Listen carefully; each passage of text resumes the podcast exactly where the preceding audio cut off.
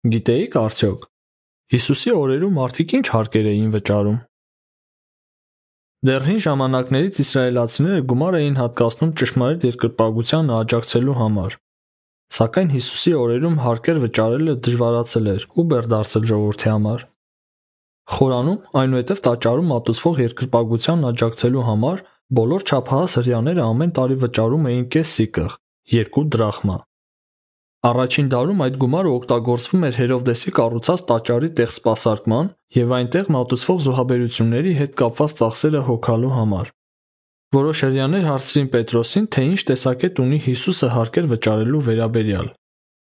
Հիսուսը չհրաժարվեց հարկ վճարելուց և նույնիսկ Պետրոսին ասաց, թե որտեղից կարող է մետաղադրամ վերցնել այն վճարելու համար։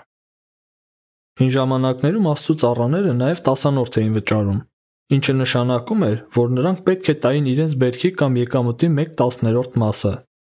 Կրոնական առաջնորդները պնդում էին, որ ժողովուրդը պետք է ամենայն մանրամասնությամբ հետևի այդ օրենքին եւ հարկ վճարի բերքի յուրաքանչյուր տեսակի, նույնիսկ անանուխի, սամիթի եւ չամանի համար։ Հիսուսը տասանորդ վճարելը սխալ չէր համարում, սակայն դատապարտում էր տպիրների ու փարիսեցիների կեղծավորությունը, քանի որ վերջիններս անտեսում էին օրենքի ավելի ծանրակշիռ բաները։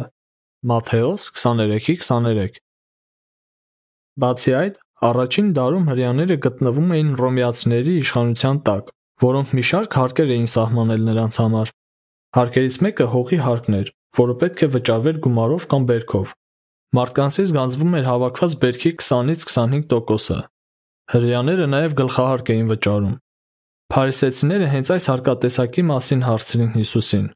Վերջինս էլ հարկ վճարելու վերաբերյալ հետևյալն ասաց. Ուրեմն կայսրինը կայսրին տվեք, իսկ Աստծունը Աստծուն։ Մատթեոս 22:15-ից 22 Հարկ էր սահմանված նաև ապրանքների արտահանման եւ ներմուծման համար։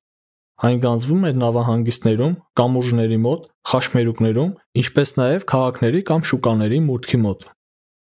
Այս բոլոր հարկերը վճարելը ծանր բեռ էր դարձել հռոմեական իշխանության տակ գտնվող մարդկանց համար։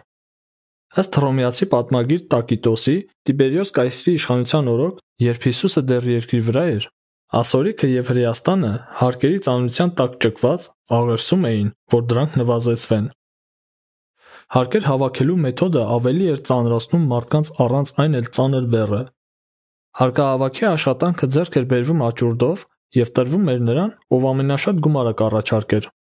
Նա էլ իր հերթին վարձում էր ուրիշ մարդկանց, որպեսզի վերջիներս հավաքեին հարկերը։